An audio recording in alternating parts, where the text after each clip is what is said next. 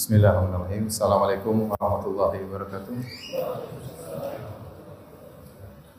Alhamdulillahi ala ihsani wa syukru lahu ala taufiqihi wa amtinani wa asyhadu an la ilaha illallah wahdahu la syarika lahu ta'ziman li sya'ni wa asyhadu anna Muhammadan abduhu wa rasuluhu da'ila ridwani Allahumma salli alaihi wa ala alihi wa ashabihi ikhwani. Hadirin hadirat yang dirahmati oleh Allah Subhanahu wa taala. Kita melanjutkan bahasan kita tentang faedah-faedah yang kita ambil dari surat Al-Kahfi. InsyaAllah pada malam hari ini kita akan membahas surat Al-Kahfi ayat 27, 28, 29, 30 dan 31. Ya. Mudah-mudahan bisa kita selesaikan dalam pertemuan kita malam hari ini.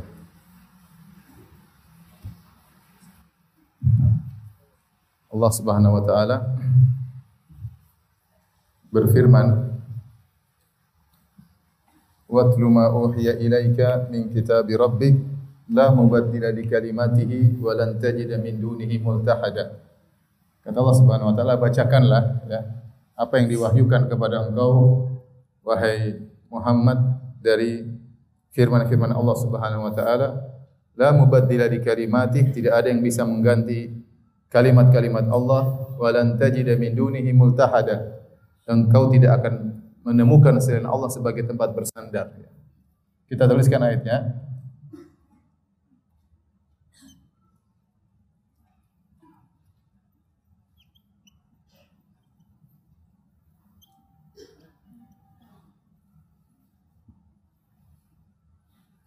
Ada yang pena pena biru ada enggak? Spidol biru.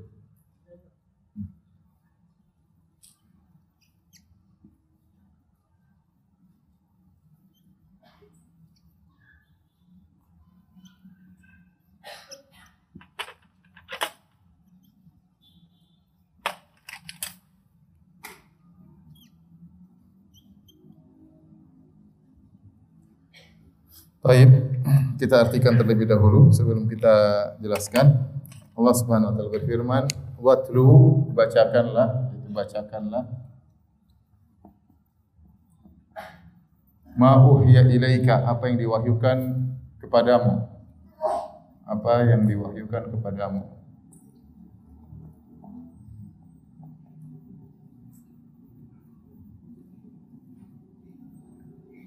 Min kitab rabbik dari kitab Rabbmu dari kitab Rabbmu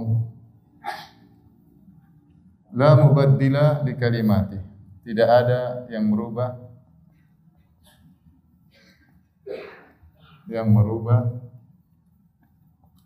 kalimati ya. Kalimat-kalimat Allah.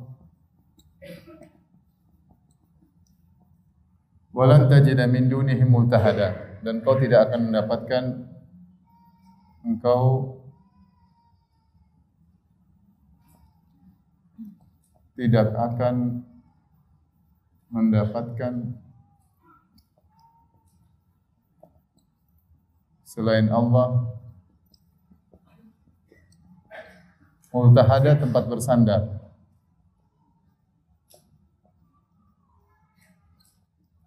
Baik hadirin dan hadirat yang hati Allah Subhanahu wa taala. Ini ayat pembuka setelah sebelumnya ayat 26 ke atas Allah telah menceritakan tentang kisah Ashabul Kahfi. Setelah itu Allah perintahkan kepada Nabi untuk membacakan apa yang Allah wahyukan kepada Nabi. Wadlu ma uhiya ilaik. Wahai Muhammad, bacakanlah apa yang diwahyukan kepada engkau min kitab rabbik dari Al-Quran. Apa yang diwahyukan, sampaikan. Ini dalil bahwasanya Nabi hanyalah sebagai seorang Rasul. Dia bertugas hanya menyampaikan apa yang diwahyukan kepada Nabi SAW. Nabi tidak boleh mengarang. Tidak boleh mengarang ya di luar daripada apa yang diwahyukan. Nabi tidak boleh menambah-nambah kisah Ashabul Kahfi. Ya, Nabi hanya ditugaskan menyampaikan, membacakan apa yang Allah sampaikan kepada Nabi sallallahu alaihi wasallam. Ya ini ini semua dalil ya dalil bahwasanya Muhammad sallallahu alaihi wasallam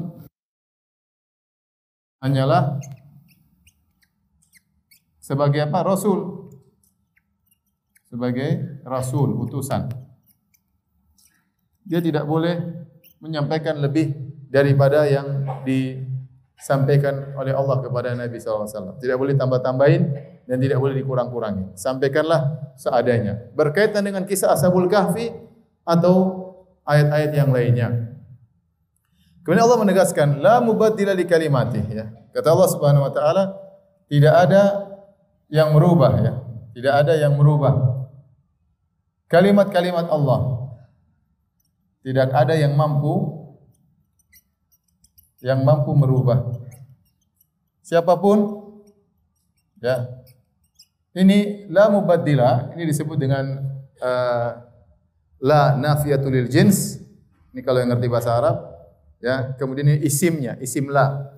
Dan tidak didatangkan seperti ini kecuali untuk menafikan segalanya. Seperti kalau ada orang bertanya, apakah ada seorang di rumah? Maka jawabnya la ahada fiddar. Tidak seorang pun yang ada di rumah berarti menafikan jenis orang tidak ada seorang pun yang ada di rumah. Namanya la nafiyatul lil jins yaitu la kata la yang berfungsi untuk menafikan jenis tertentu. Maka di sini Allah mengatakan la mubaddila, tidak ada yang bisa merubah. Siapapun mau jin, mau malaikat ya, mau manusia siapapun tidak ada yang bisa merubah kalimat-kalimat Allah Subhanahu wa taala. Dan kalimat-kalimat Allah ya mampu merubah baik ya manusia, jin maupun apa? malaikat. Kalau Allah sudah ya menetapkan maka tidak ada yang bisa merubah. Kalimat-kalimat Allah terbagi menjadi dua. Ada yang namanya al-kalimat asy-syar'iyyah. Ada yang namanya al-kalimat Kalimat syariah maksudnya seperti ayat-ayat Al-Quran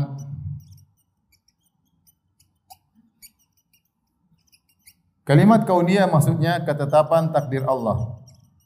Ketetapan takdir dan janji Allah.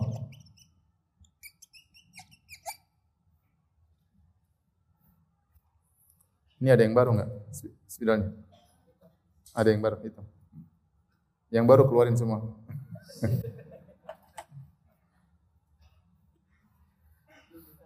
Iya. Itu kalau. Baik. Perhatikan di sini, Allah mengatakan tidak ada yang bisa merubah kalimat-kalimat Allah. Ditinjau dari Al-Quranul Karim. Ya. Maka tidak ada yang mampu merubah ayat-ayat Allah Subhanahu wa taala. Allah menjaga Al-Quranul Karim dari dulu sampai sekarang tidak seorang pun yang mampu menambah satu huruf pun dalam Al-Quran. Kalau ada yang menambah, maka pasti ketahuan. Sehingga ayat-ayat Allah tidak ada yang bisa merubahnya. Jadi maksudnya tidak ada yang merubah kalimat syariah ada dua tafsiran. Ya. Pertama, ya tidak ada yang bisa yang bisa menambah atau mengurangi ayat-ayat Al-Quran karena dijaga oleh Allah. Yaitu banyak yang hafal Al-Quran. Yang kedua, Al-Quran ya maksudnya sudah sempurna sehingga tidak perlu revisi lagi. Tidak perlu apa? Revisi. Sampai hari kiamat tidak perlu ada revisi terhadap Al-Qur'an. Karena sudah sempurna. Berbeda dengan pernyataan-pernyataan manusia, hukum-hukum manusia yang ada expirednya, terkadang mengalami revisi, terkadang cocok pada suatu kaum, tidak cocok pada kaum yang lain, terkadang mau dibuat sudah demo orang banyak, yang macam-macam. Ya, adapun aturan-aturan syariat dalam Al-Quran, semua sudah sempurna, tidak perlu direvisi. Al-Quran sempurna dari segala sisi. Dari segala hukum-hukumnya, dari segala kabar-kabarnya, tidak perlu ada revisi. Karena tidak ada kesalahan. Dari sisi bahasa, orang yang pakar bahasa Arab tahu bahwasanya bahasa Arab yang termaktub dalam Al-Quran sangat apa? Sempurna sehingga tidak perlu revisi sama sama sekali. Coba kita bandingkan dengan produk manusia. Oh ini bahasanya kurang tepat. Oh ini bahasanya kurang apa? Kurang baku misalnya. Oh ini perlu tambahan. Ini perlu pengurangan dan seterusnya. Ya, adapun Al-Quran sempurna maka tidak perlu direvisi sampai hari kiamat. Ya. Ini dua tafsiran tentang tidak ada yang bisa merubah kalimat-kalimat Allah Subhanahu wa taala yang syar'iyyah. Tafsiran yang kedua tentang kalimat-kalimat al-kauniyah, ketetapan Allah dan takdir Allah tidak ada yang bisa merubahnya. Allah sudah menetapkan di Lauhil Mahfuz. Allah telah menggariskan sunnatullah berlaku bahwasanya orang-orang yang bertakwa aturannya begini, orang-orang yang membangkang aturannya begini, apa yang akan dia dapatkan di dunia bagaimana, di akhirat bagaimana, semua ketetapan Allah sunnatullah sudah berlaku, tidak ada yang bisa merubahnya. Faham maksudnya?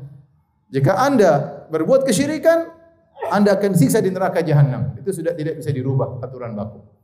Jika Anda beriman kepada Allah Subhanahu wa taala, bertauhid kepada Allah, Anda akan masuk surga kekal di dalamnya. Ini aturan kata Allah la mubaddila li kalimati. Tidak ada yang bisa merubah aturan Allah baik yang syariah maupun yang kauniyah. Faham sampai di sini? Kemudian kata Allah Subhanahu wa taala, "Walan tajida min dunihi multahada." Dan kau Muhammad, engkau wahai Muhammad tidak akan mendapatkan selain Allah multahada. Multahada diambil dari al-lahad. Diambil dari bahasa Arab punya lahad yaitu uh, condong atau miring ya. Miring atau condong. Makanya orang waktu dikubur ada dua model, ada namanya syak, ada namanya lahat. Syak itu lubangnya di tengah begini, berarti syak. Dikubur begitu. Kalau enggak yang sunnahnya lahat. Di galek sebelah miring. Kalau bisa lahat maka itu yang terbaik. Kalau kondisi uh, tanah tidak memungkinkan maka dengan model apa? Syak. Tetapi lahat maksudnya miring. Maksudnya multahada maksudnya multaja'a yaitu tempat orang yang kemudian dia condong berpegang kepadanya, maka Allah ingatkan wahai Muhammad, kau tidak akan menemukan tempat bersandar, tempat kau condong kepadanya kecuali Allah Subhanahu wa taala. Kata sebagian ahli tafsir seperti Imam Al-Qurtubi rahimahullah, seandainya ini ancaman bagi Nabi sallallahu alaihi wasallam. Seandainya engkau tidak menyampaikan sesuai dengan yang aku perintahkan. Seandainya kau tambah-tambah kisah Al-Kahfi, Ashabul Kahfi. Seandainya kau kurang-kurangi kisah Ashabul Kahfi. Kau tidak menyampaikan sebagaimana seadanya, ada yang kau simpan, ada yang kau tambah, maka celaka engkau wahai Muhammad, kau tidak akan menemukan tempat berlindung kecuali siapa? Allah Subhanahu wa taala. Ini dalil bahwasanya Muhammad itu hanyalah sebagai seorang apa? Rasul. Tugas dia hanya menyampaikan. Dia enggak bisa ngarang sendiri. Dia enggak bisa ngarang sendiri. Kalau Al-Quran itu karangan Muhammad sallallahu alaihi wasallam, maka Abu Jahal, Abu Lahab juga bisa ngarang. Tetapi karena Al-Quran itu bukan karangan Muhammad sallallahu alaihi wasallam, Terlebih lagi dalam kisah dalam Al-Quran tentang hal-hal gaib. Dari mana Muhammad mau ngarang? Sementara dia tidak pernah belajar kepada orang-orang sebelumnya. Dia tidak pernah membaca Taurat, tidak pernah membaca Injil. Dan Nabi SAW buta huruf, tidak bisa baca, tidak bisa tulis. Dari mana dia mengarang tentang kisah Ashabul Kahfi? Bahwasanya mereka begini-begini, kemudian ada anjingnya, kemudian ke goa, kemudian tidur berapa tahun. Dari mana Muhammad mengarang? Ya, Makanya Allah ingatkan, sebagai penekanan bahwasanya apa yang disampaikan oleh Muhammad itu persis seperti yang diwahyukan kepada Muhammad SAW karena Nabi Muhammad SAW kalau nambah-nambah atau ngurang-ngurangi atau ngarang-ngarang dia akan terkena ancaman dan dia tidak menemukan tempat berlindung kecuali siapa? Allah Subhanahu wa taala. Sampai di sini paham? Baik. Jadi multahada artinya multaja'a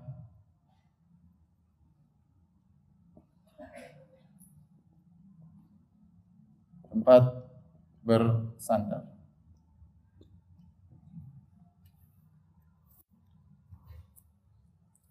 Baik, kalau sudah bisa difoto dan dihapus segera ya.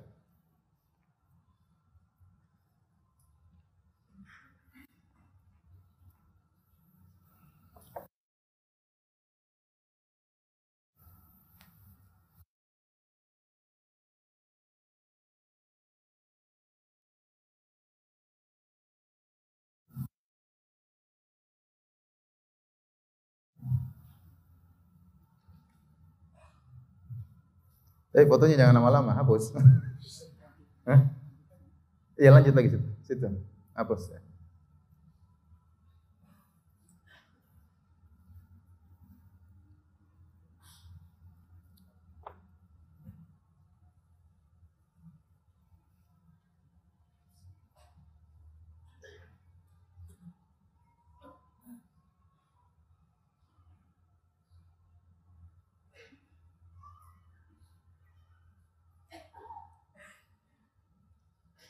Sudah? Bersih? Yakin? Baik, kita lanjutkan ya. Ayat berikutnya ayat berapa? 28. Kata Allah Subhanahu wa taala, "Wasbir nafsaka ma'al ladina yad'una rabbahum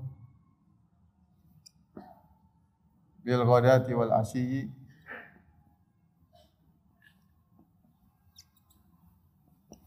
yuriduna wajhah wala ta'du aynaka anhum turidu zinatal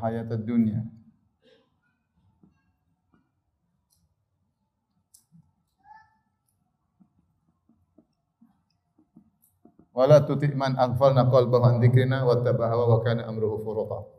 Tapi kita lanjutkan ya. Wala tuti man aghfalna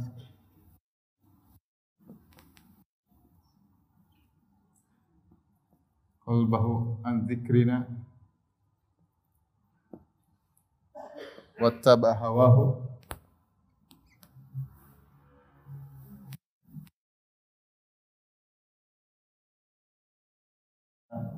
amruhu furata.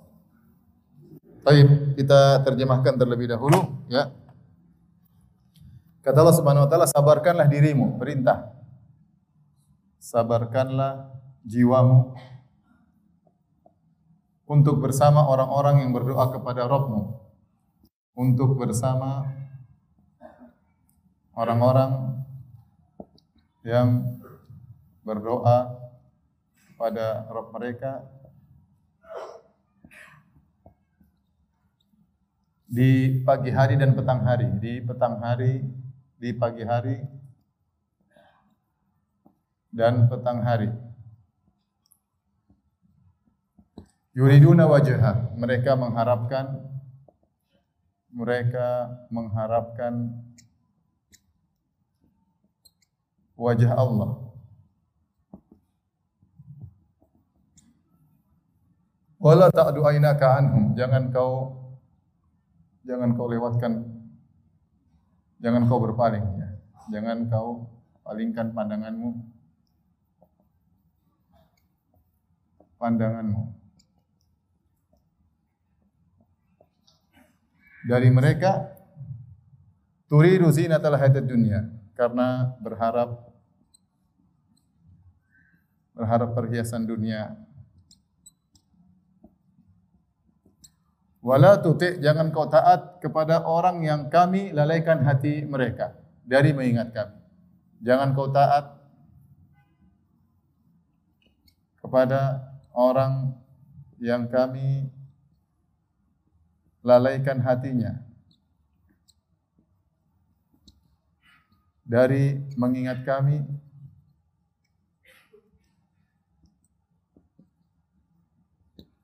dan dia mengikuti hawa nafsunya dan dia mengikuti hawa nafsunya hawa nafsunya dan perkaranya perkaranya perkara atau urusannya uh, kacau atau melampaui batas ya. Baik. Ini ayat berikutnya uh, disebutkan ya oleh para ulama datang beberapa hadis ya tentang hal ini. Bahwasanya sekelompok orang-orang Quraisy para pembesar-pembesar Quraisy mereka datang kepada Nabi sallallahu alaihi wasallam kemudian mereka mengenawarkan mereka akan beriman. Tapi dengan syarat mereka berkata wahai Muhammad pinggirkan dulu orang-orang miskin. Pinggirkan orang miskin. Karena Rasulullah SAW bagi bersama orang apa? Miskin. Para sahabat-sahabat yang miskin. Maka kata mereka pinggirkan mereka dulu nanti baru kami ber beriman. Ya. Jadi mereka berkata kalau kami beriman, kami pembesar-pembesar Quraisy atau pembesar-pembesar Arab kalau beriman, maka yang ikut kami banyak. Tapi syaratnya yang miskin-miskin suruh apa? Suruh minggir dulu. Maka disebutkan dalam hadis ya, maka perkataan itu masuk ke dalam hati Nabi sallallahu alaihi wasallam sehingga Nabi berpikir hal-hal terbetik dalam hati Nabi sallallahu alaihi wasallam maka Allah langsung memerintahkan Nabi untuk bersabar. Jangan dengarkan mereka yang artinya wasbir nafsaka ya Muhammad sabarkanlah jiwamu bersama orang-orang alladzina yad'una rabbahum yang berdoa kepada Rabb mereka bil ghadati wal asyi siang hari dan petang hari yuridu wajah dan mereka ikhlas mereka mengharapkan wajah Allah. Wala ta'du ainaka anhum dan jangan kau palingkan wajah mereka wajah jangan kau palingkan pandanganmu dari orang-orang yang miskin ini menuju orang-orang kaya-kaya tersebut. Turidu zinatal hayatad dunya karena kau berharap perhiasan apa? Kehidupan dunia. Wala tutik man man aghfalna qalbahan dzikrin. Jangan kau ikuti mereka, orang-orang yang telah kami lalaikan hati mereka dari mengingat kami. Wa tabahawahu dan dia mengikuti hawa nafsunya wa kana amruhu furata dan urusannya kacau. Baik, kita akan jelaskan satu persatu. Pertama, Allah Subhanahu wa taala berfirman dalam ayat ini, "Wasbir nafsak." Sabarkanlah dirimu. Ya ini adalah perintah untuk sabar dan sabar dalam bahasa Arab artinya habs, ya tahanlah dirimu. Ya, tahanlah dirimu karena ya ini godaan kepada Nabi sallallahu alaihi wasallam ya. Nabi mungkin menimbang maslahat seandainya orang pembesar-besar ini masuk Islam, ini yang miskin saya minggirkan dulu ya. Bisa jadi dengan mereka masuk Islam maka langsung cepat dakwah ini tersebar.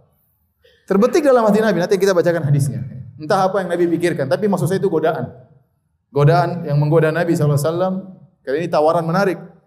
Miskin-miskin disebut apalagi cuma enam orang waktu itu duduk bersama Nabi. Tinggal enam orang minggir, kemudian yang kaya-kaya masuk Islam, semua masuk Islam. Yang ini minggir tidak ada masalah. Mungkin ada godaan seperti itu, tapi Nabi sempat berfikir, ya, memikirkan maslahat dan mudarat, tawaran menarik dan macam-macam, maka Allah langsung memberi wahyu kepada Nabi SAW agar tegar, jangan terpengaruh dengan perkataan orang-orang yang sombong tersebut. Ya, jangan sampai mereka mereka sombong. Kalau kami masuk Islam Muhammad, semua orang akan ikut. Tapi enam orang itu yang miskin-miskin tolong apa? Minggirkan.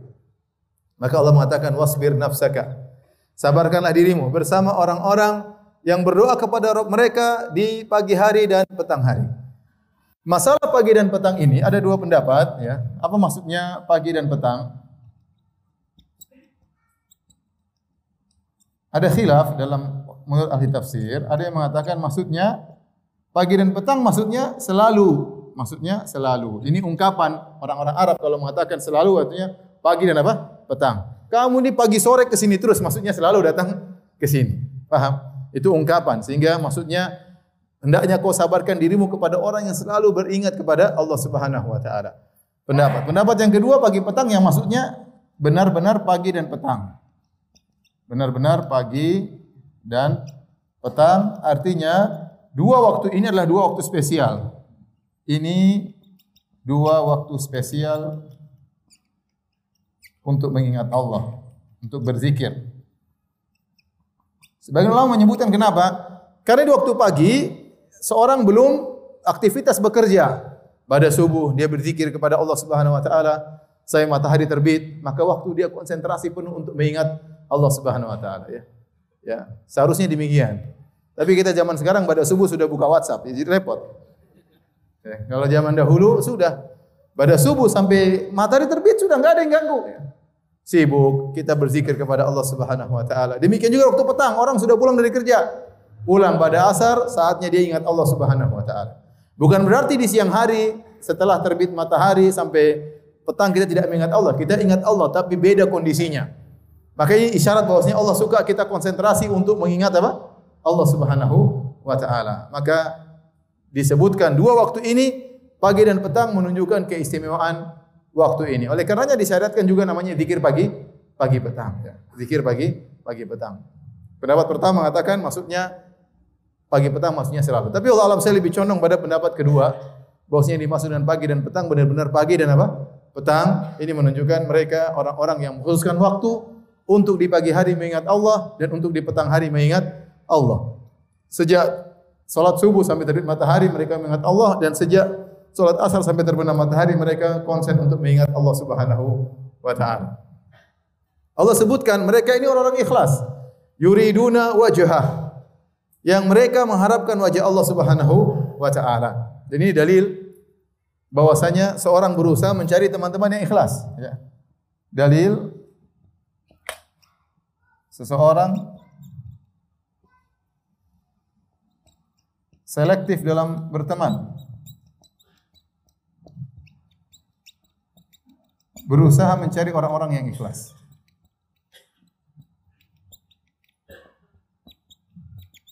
Sahabat-sahabat yang ikhlas. Yang ikhlas. Taib.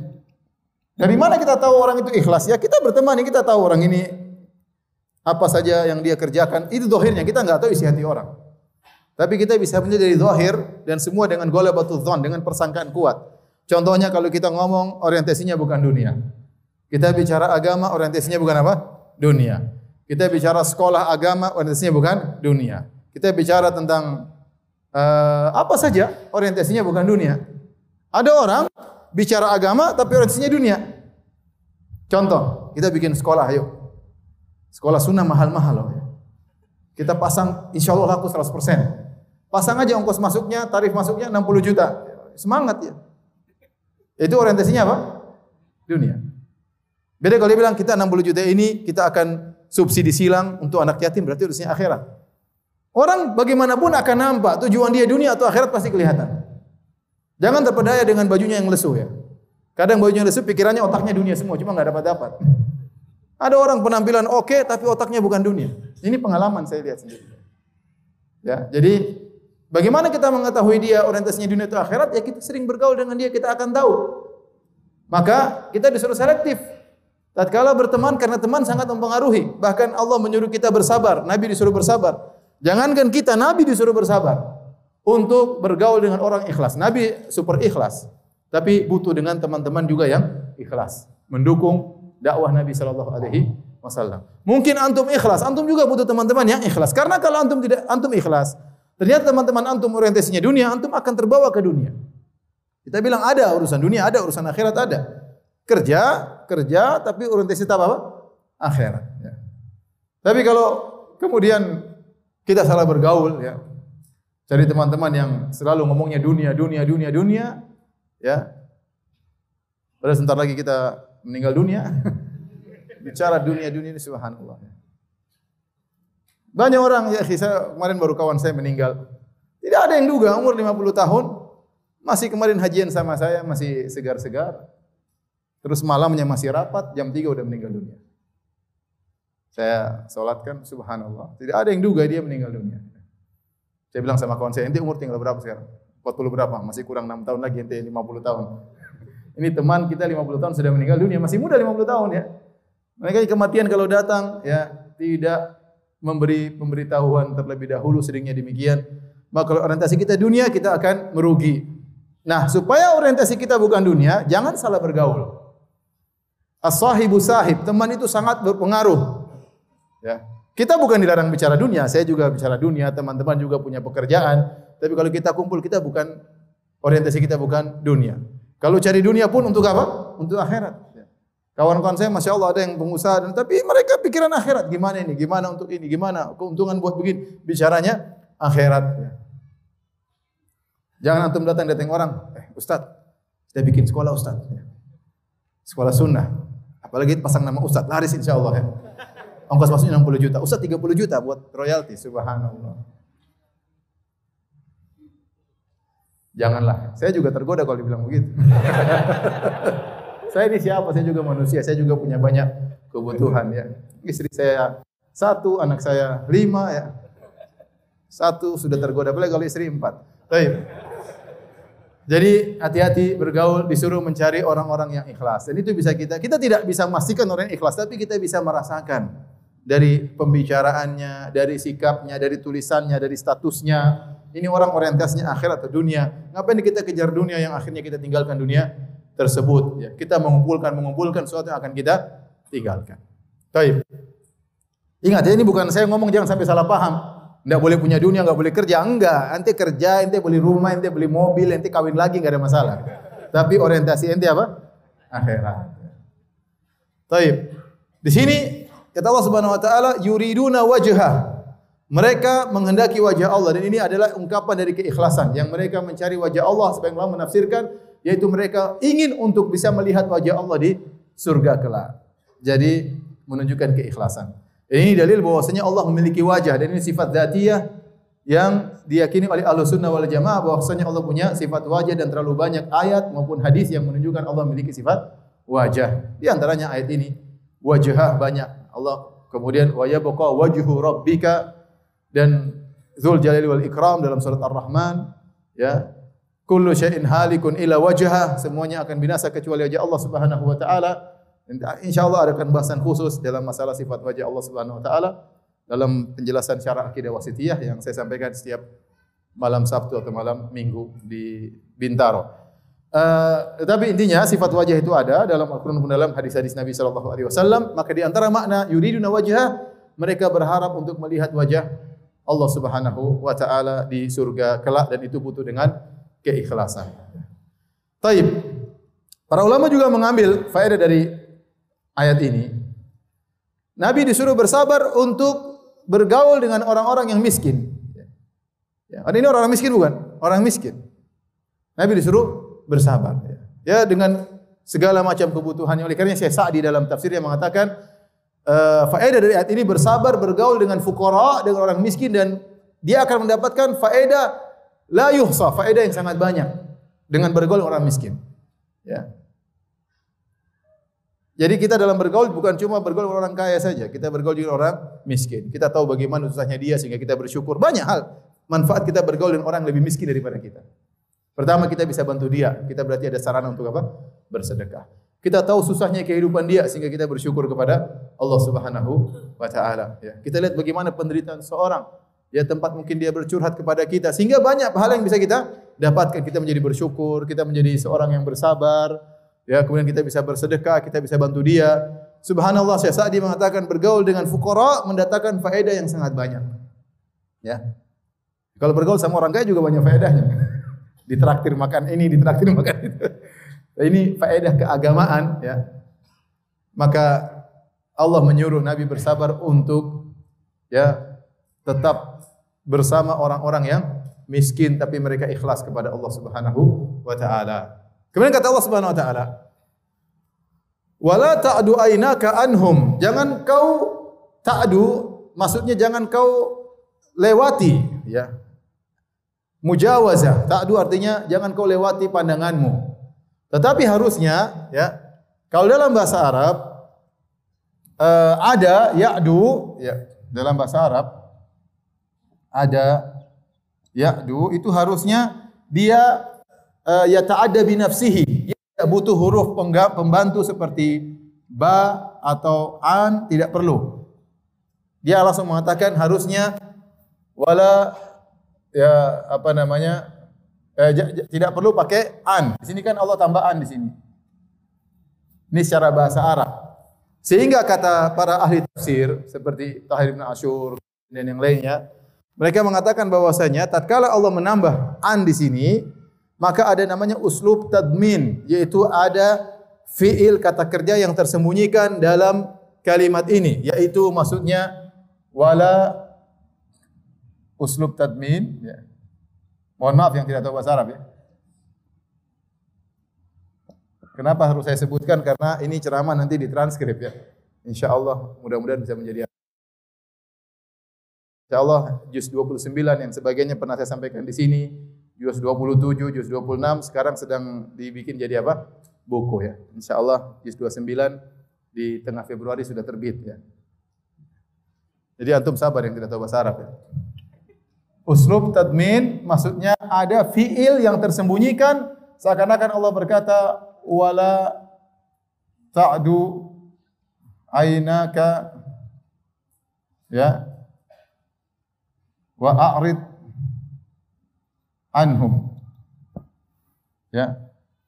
Jangan kau berpalingkan wajahmu dan hendaknya uh, wala tu'rid ya. Wa tu'rid anhum. Dan jangan kau berpaling dari dari mereka ya. Artinya Allah Subhanahu wa taala menyuruh Nabi sallallahu alaihi wasallam untuk bersabar dengan mereka dan jangan berpaling menuju kepada orang-orang orang-orang kaya, tapi berpalinglah dari orang-orang kaya dengan bersabar bersama orang-orang miskin. Kemudian Allah katakan, "Turidu zinatal hayatid dunya." Hanya karena kau menghendaki perhiasan apa? Dunia. Dunia memang indah. Ya bergaul dengan orang-orang pembesar-pembesar Quraisy memang banyak menjanjikan. Ya, tapi Allah ingatkan bahwasanya itu hanyalah kehidupan dunia yang akan sirna. Kemudian kata Allah Subhanahu wa taala, "Wala tuti' man aghfalna qalbahu an dzikrina." Dan janganlah kau ikuti orang yang kami palingkan hatinya. Kau yang palingkan hatinya dari mengingat kami. Apa maksudnya dari mengingat kami? Ada yang mengatakan an dzikrina maksudnya sini Al-Qur'an. Ada yang mengatakan maksudnya zikir secara umum yaitu mereka dibuat lalai sehingga tidak sibuk dengan Al-Qur'an dan tidak sibuk dengan mengingat Allah Subhanahu wa taala, Allah melalaikan hati mereka. Kemudian kata Allah wattaba hawahu dan dia mengikuti hawa nafsunya. Di sini ada faedah, perhatikan sini.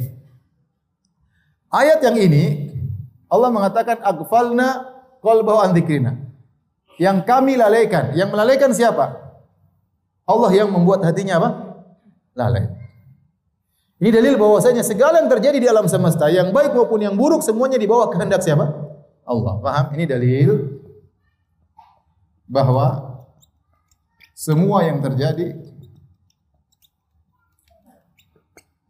baik atau buruk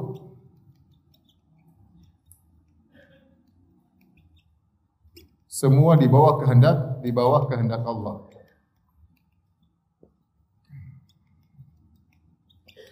Sampai-sampai hatinya seseorang lalai pun atas kehendak siapa? Allah Subhanahu wa taala. Ini adalah iman kepada takdir. Bahwasanya semua yang terjadi dalam semesta tidak ada yang keluar dari kehendak Allah Subhanahu wa taala. Perkara yang baik maupun perkara yang buruk. Sederhananya, iblis itu buruk atau bukan? Atau baik? Buruk. Iblis ada yang ciptakan siapa? Allah Subhanahu wa taala. Iblis minta umurnya dipanjangkan. Allah kabulkan atau tidak?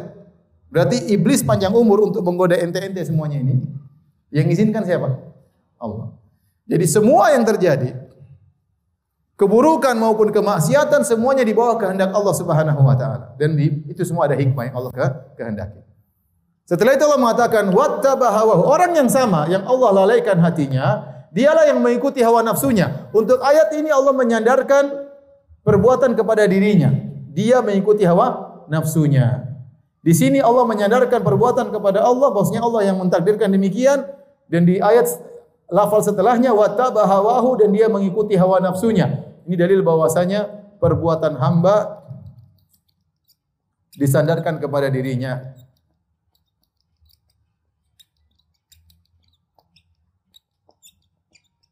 Dirinya sendiri. Maksudnya apa? Jangan sampai seorang bermaksiat dia mengatakan kan itu kehendak engkau ya Allah sudah takdir. Tidak boleh. Ya. Karena kalau kau berbuat maksiat, maksiat tersebut disandarkan kepada dirimu sendiri. Meskipun semua yang terjadi atas kehendak siapa?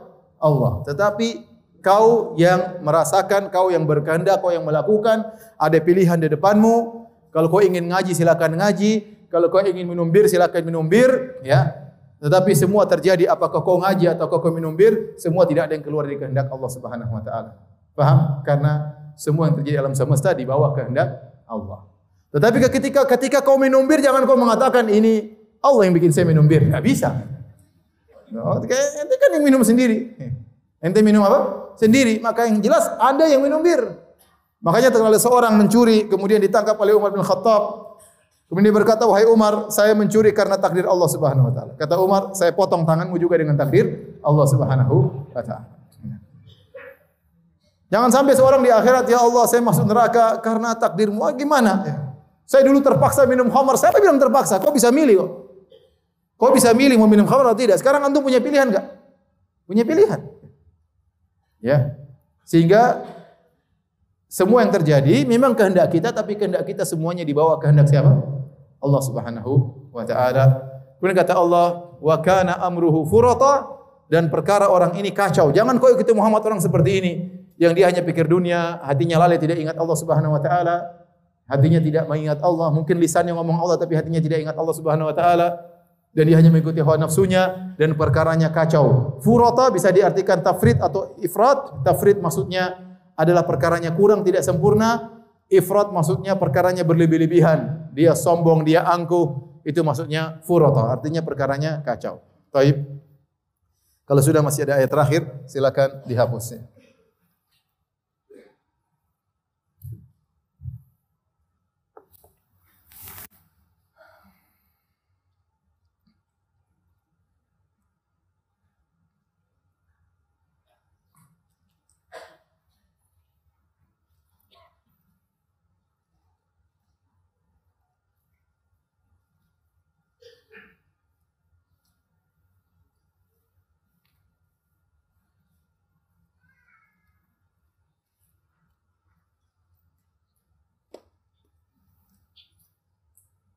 6 menit ya. Habis azan kita lanjut lagi. Habis sholat.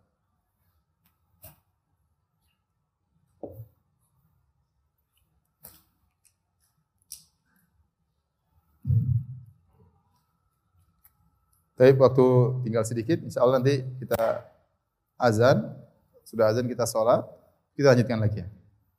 Biar cepat selesai surat Al-Kahfi. Masih banyak surat ya. Jangan sampai mudah-mudahan sebelum kita meninggal kita sudah baca surat Al-Kahfi sampai selesai. Taib Allah berfirman ya. Wa qulil haqqu min rabbikum.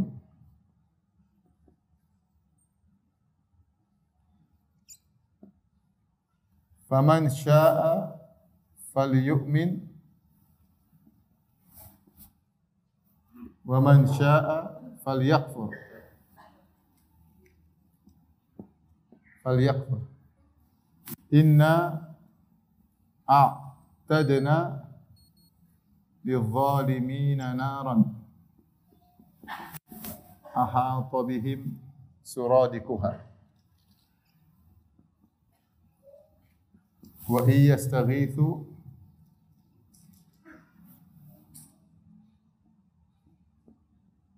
yughathu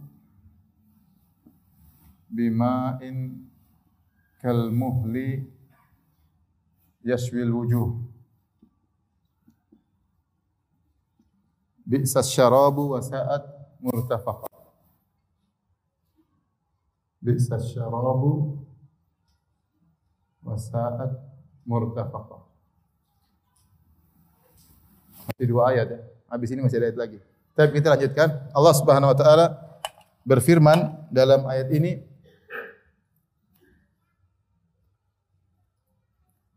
Kata Allah Subhanahu wa taala Wa qulil haqqu min rabbikum katakanlah kebenaran al-haq ya dari Rabbmu Barang siapa yang ingin silakan beriman, barang siapa ingin silakan kufur. Siapa yang ingin silakan beriman. Siapa yang ingin silakan apa? Kufur. Silakan kafir. Namun ingat, kami siapkan bagi orang yang zalim neraka jahanam. Kami siapkan bagi orang-orang yang zalim neraka jahanam neraka yang suradikuha suradik itu apa ya kalau bahasa Arab artinya pinggirannya atau pagarnya ya pagarnya meliputi mereka wa iyastaghithu yughathu kalau mereka minta tolong minta minum atau minta tolong. Mereka ditolong dengan mereka ditolong mereka ditolong dengan air air panas seperti kalmuhli al-muhli itu cairan panas tembaga, cairan panas besi. Yaswil wujuh membakar memanggang atau membakar wajah. Bi'sa syarab seburuk-buruk minuman.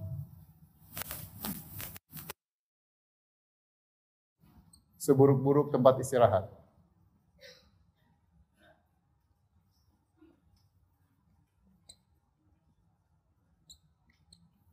Baik, sudah azan ya? Belum?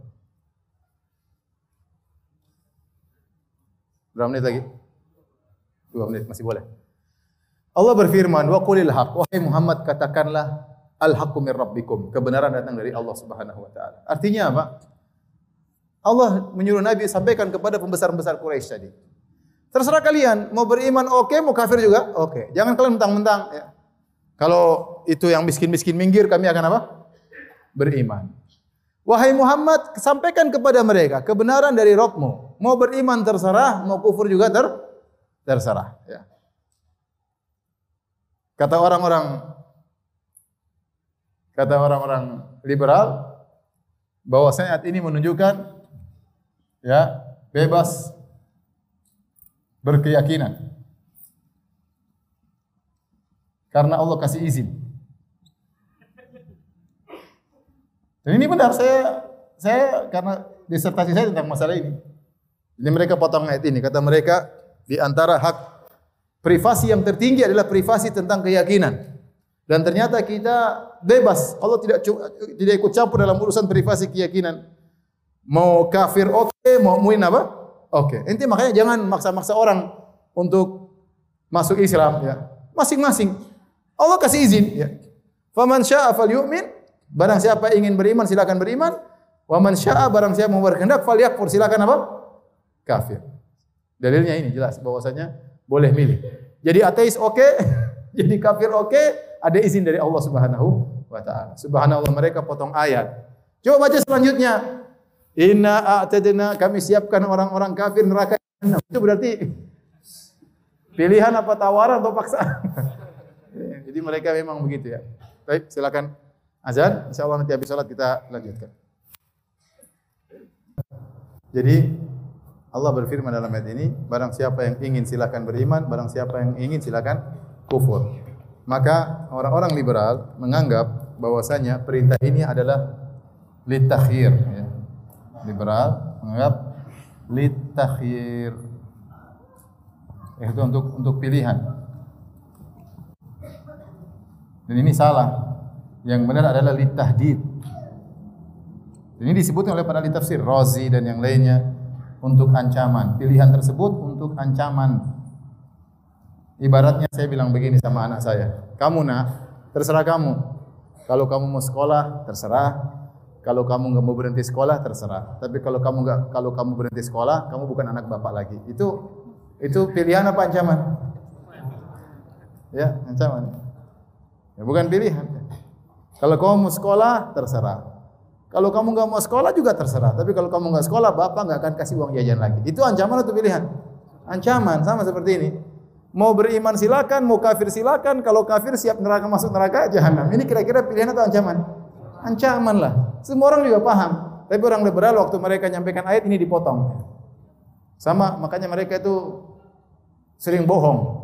Ngakunya ilmiah tapi pembohong besar. Dan saya sering menyampaikan dalam kajian-kajian saya. Orang liberal pembohong. Karena saya baca buku-buku mereka. Buang-buang waktu baca disertasi mereka.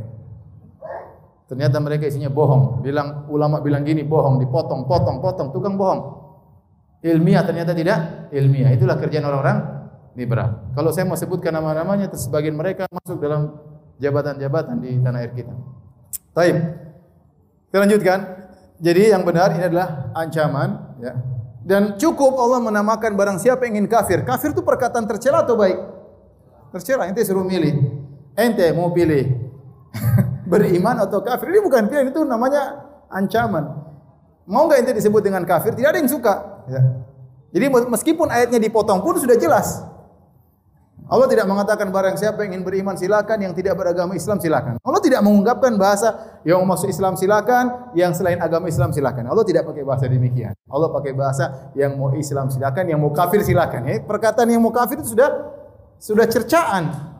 Apalagi setelah itu Allah mengatakan kami siapkan neraka jahanam. Ya.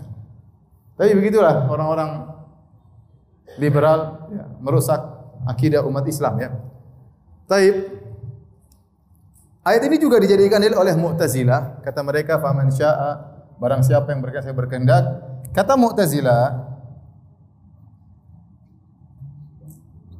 bahwa ya masing-masing berkehendak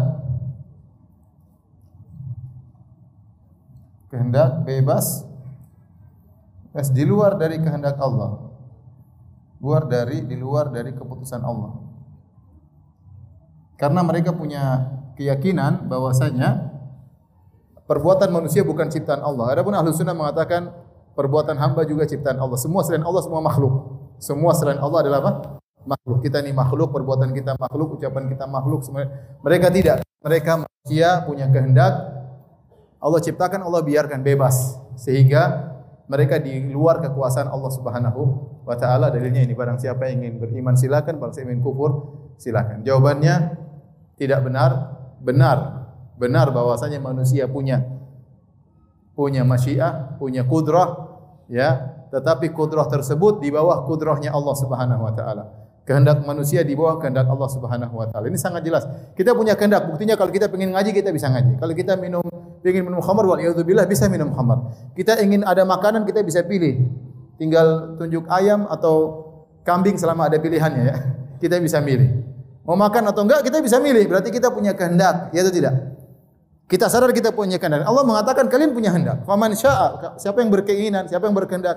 Tetapi semua kehendak itu di bawah kehendak Allah. Allah mengatakan wa ma tasyauna illa ayyasha Allahu rabbul alamin. Tidaklah kalian berkehendak kecuali di bawah kehendak Allah Subhanahu wa taala. Antara bukti bahwasanya kehendak kita terkadang tidak terjadi, kita sering rasakan. Kita ingin sehat ternyata kita sakit, ya tidak. Kita ingin haji enggak bisa-bisa, duit enggak ada. Kita ingin umrah enggak bisa. Seperti saya berdiri gini. Kalau saya disuruh angkat kaki kanan saya bisa. Mau saya angkat silakan enggak juga enggak, tapi kalau saya angkat bisa nih kan. Coba kalau Ustaz angkat kaki dua-duanya, wah itu di luar kehendak saya. Di luar kemampuan apa? Saya. Jadi banyak kehendak yang kita inginkan bisa kita kerjakan dan banyak kehendak tidak bisa kita kerjakan. Menunjukkan bahwasanya kehendak kita di bawah kehendak siapa? Allah Subhanahu wa taala. Tapi benar kita punya kehendak. Nah, orang-orang Mu'tazilah, Qadariyah ingin mengatakan manusia punya kehendak di luar kehendak Allah dan itu tidak benar. Yang benar ahlu sunnah kita punya kehendak tapi kehendak kita di bawah kehendak siapa? Allah Subhanahu wa taala. Baik. Ini sekedar tambahan. Setelah Allah mengatakan inna a'tadna kami siapkan berarti neraka sudah ada. Kami siapkan berarti sudah disiapkan. Lidzalimina naran bagi orang-orang yang zalim neraka. Ahata bihim suradikuha. Suradik, suradik itu kata para ulama artinya bisa artinya fustat yaitu kemah atau yang mengelilingi fustat, mengelilingi kemah berupa pagar atau mungkin kain juga dari adim dari kulit yang mengelilingi kemah tersebut namanya suradik dalam bahasa Arab yang merupakan mu'arab dari bahasa Persia. Intinya, surat artinya yang meliputi. Nah, seakan-akan Allah berfirman, kamu nanti orang zalim masuk neraka, kamu akan diliputi oleh neraka jahanam. Tidak ada kesempatan untuk keluar dari neraka jahanam. Dalamnya ada api dan sekelilingnya juga ada yang meliputimu. Seluruh apinya akan meliputimu, tidak ada tempat lari dari neraka jahanam. Tidak ada tempat sembunyi, ada celah, tidak ada apinya. Semuanya tertutup apa? tertutup api.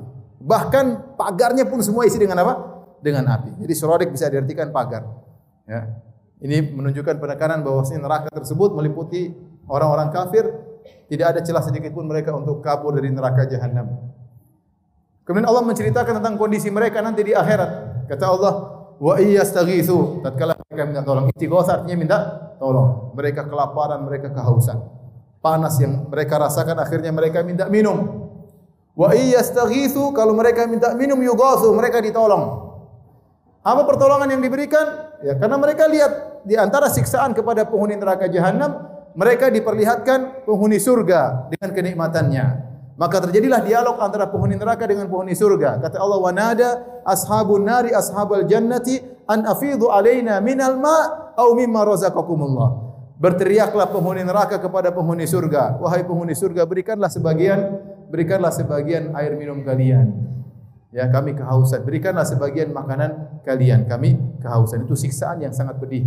Mereka sudah disiksa dan mereka melihat orang-orang penghuni surga sedang bernikmat-nikmat. Bertambah kesedihan mereka dan mereka mencoba minta tolong berikanlah minum kepada kepada kami.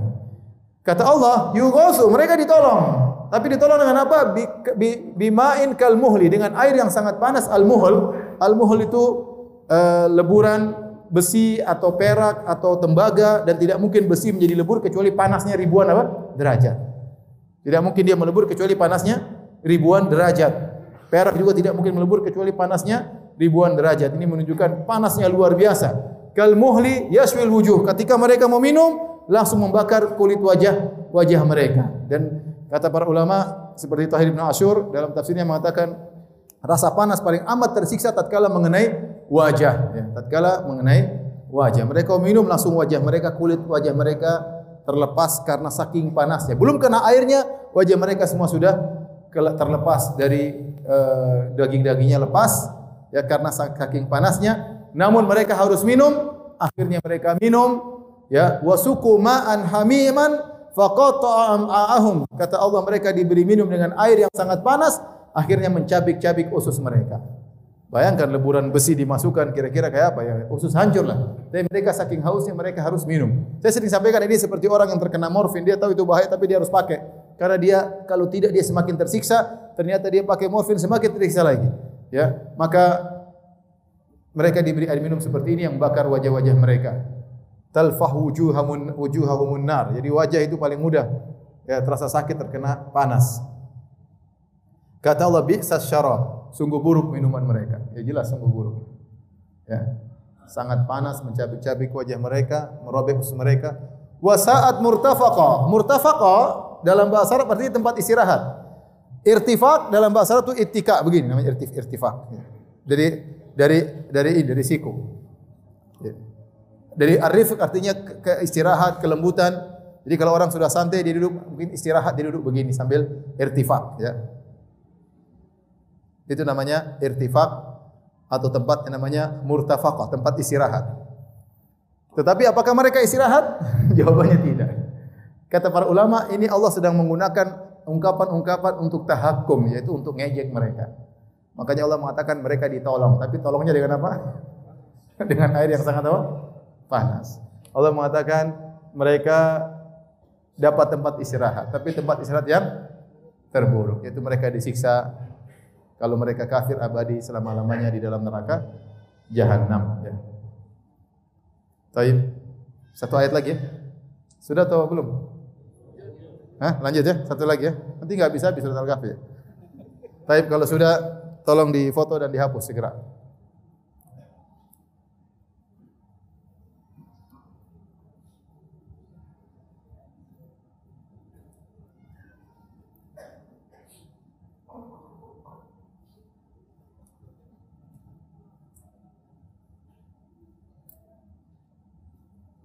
Baik, dihapus silakan.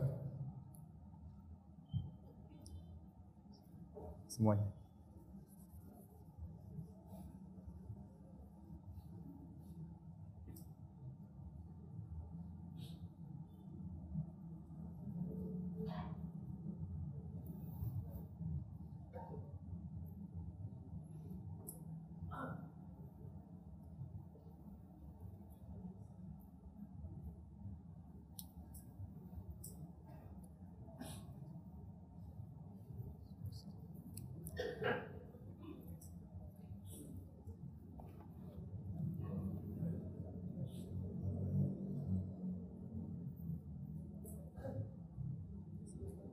Setelah itu, setelah Allah menyebutkan tentang nikmat atau bukan nikmat apa? kesengsaraan penghuni neraka jahanam, selanjutnya Allah berbicara tentang nikmat penghuni surga. Allah Subhanahu wa taala, "Innal ladzina amanu wa wa amilus salihat wa amilus salihat inna la nudhi'u ajra man ahsana amala." أولئك لهم جنات عدن تجري من تجري من تحتهم الأنهار. يحلون فيها من أساور من ذهب. ويلبسون ثيابا ويلبسون yalbasuna thiyaban khudran min sundusin. Min sundusin wa istabraq. Muttaqiina fiha 'alal ara'ik ni'ma sawabu wa hasunat murtafaq dan seterusnya. Taib kata Allah Subhanahu wa taala, sungguhnya orang-orang yang beriman dan beramal saleh, ya, beriman dan beramal saleh. Selalu saya ingatkan bahwasanya kalau masuk surga harus dua-duanya, beriman dan beramal saleh, ya. Kalau hanya beriman tidak beramal saleh, jadilah Yahudi, punya ilmu tapi tidak diamalkan, beramal soleh tidak punya ilmu seperti Nasara. Harus dua-duanya, beriman dan beramal soleh. Inna sembunyi kami la nudhi ajra man ahsana amala. Harus berbuat ihsan.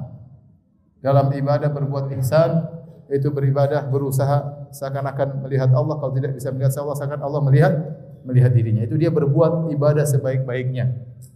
Kami tidak akan menyia-nyiakan menyia-nyiakan, tidak akan melupakan pahala ya, orang yang melakukan amal ahsan, amal yang baik. Jadi jangan khawatir, tidak ada sedikit pun amal soleh kita yang dilupakan oleh Allah Subhanahu Wa Taala.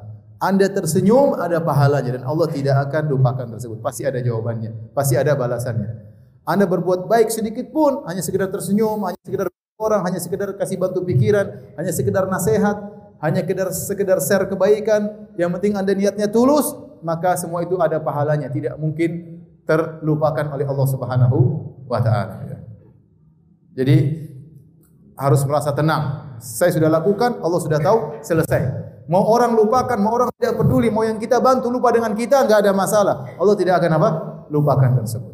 Wa may ya'mal mithqala dzarratin khairan yara. Barang saya melakukan kebajikan meskipun sebesar zarrah, sekecil apapun, dia akan melihat hasilnya karena Allah tidak menyia-nyiakan perbuatan orang berbuat kebajikan. Kata Allah, ulaika lahum jannat. Bagi mereka surga taman-taman surga. Taman-taman surga Aden.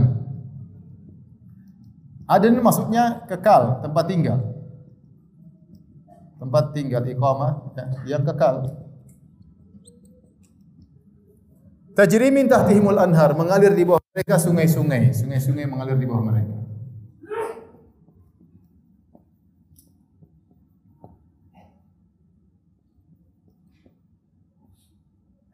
Tajri min tahtihal anhar atau tahtihimul anhar? Tahtihimul anhar. Kata Allah yuhallawna mereka dihiasi dihiasi dengan gelang-gelang dari emas dan mereka memakai baju hijau yang terbuat dari sundus yaitu sutra yang halus dan sutra yang tebal, yang tebal. Muttaqiina fiha al-ara'ik kata Allah muttaqiina fiha al-ara'ik.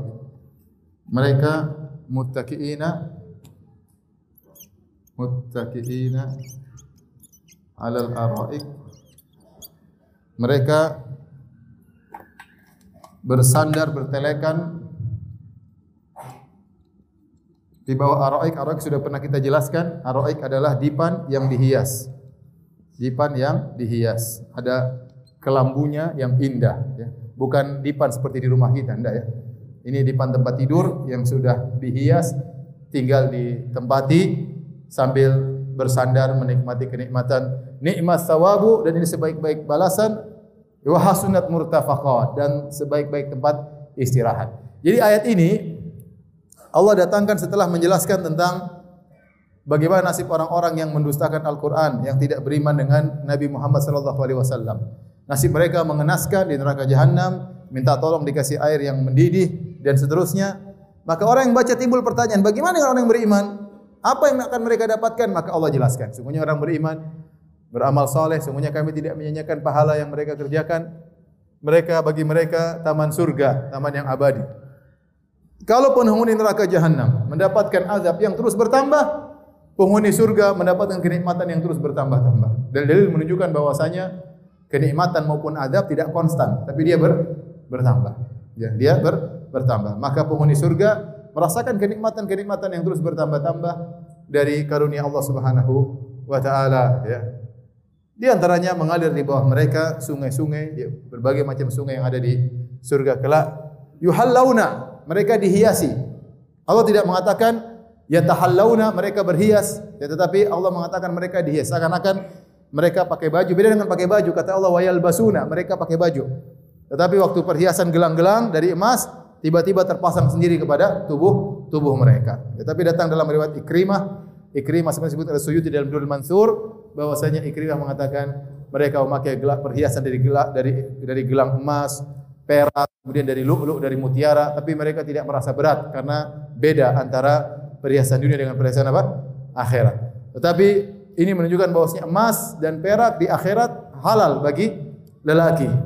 Kalau di dunia haram, tidak boleh pakai emas, lelaki tidak boleh pakai sutra, ya. hanya boleh pakai perak. Ya. Ya, itu pun tidak boleh pakai gelang-gelang karena itu perhiasan apa? Wanita. Ya. Tapi di akhirat semuanya diperbolehkan. Ya, seperti raja-raja zaman dahulu, mereka berhias dengan perhiasan berupa gelang-gelang di lengan mereka, lengan atas atau lengan bawah, terbuat dari emas-emas yang menunjukkan mereka dalam kondisi penuh dengan kenikmatan. Maka demikian penghuni surga, mereka ibarat raja-raja di surga mereka. Ini sudah pernah kita bahas dalam surat Al-Insan. Karena mereka diperlakukan seperti raja, ya. seperti raja sehingga mereka memakai gelang-gelang emas yang terbuat gelang-gelang terbuat dari emas dan dalam ayat yang lain dari perak. Ya. Dan mereka memakai baju berwarna hijau. Kata para ulama hijau tentunya tidak sama mungkin dengan hijau di sini, tapi hijau di dunia menunjukkan enak dipandang, sejuk dipandang oleh mata. Oleh kerana banyak dokter mengatakan kalau mata bermasalah sering sering lihat yang hijau-hijau ya. Tapi jangan lihat uang warna hijau ya. Maksudnya lihat pemandangan, lihat sawah ladang warna hijau maka itu membantu memperbaiki mata yang terganggu. Min sundus kemudian juga mereka pakai baju berwarna hijau yang terbuat dari sutra yang halus, istabrak sutra, sutra yang tebal. Ya, ini semua menunjukkan variasi mereka dalam pakai baju baju mereka tatkala di surga muttaqiina fiha alal araik. Dan mereka di surga tersebut bersandar di atas al araik yaitu dipan-dipan yang sudah dihiasi dengan kelambu-kelambu yang yang indah, yang sangat rapi. Bukan dipan-dipan yang kosong, tapi ada isinya. Isinya apa? Bidadari. Ya. Mutairi ala raik, nikmat sawabu dan itu sebaik-baik balasan. Wahasunat murtafaqa dan sebaik-baik tempat untuk istirahat kekal abadi di surga kelak. Demikian para hadirin kajian kita pada kesempatan kali ini. InsyaAllah kita lanjutkan pekan depan libur, pekan depannya lagi insyaAllah ta'ala kita masuk pada ayat berikutnya tentang perumpamaan yang Allah berikan dalam surat Al-Kahfi. Demikian, tidak ada tanya jawab. Subhanakallah bihamdik. Asyadu ala ila anta. Assalamualaikum warahmatullahi wabarakatuh.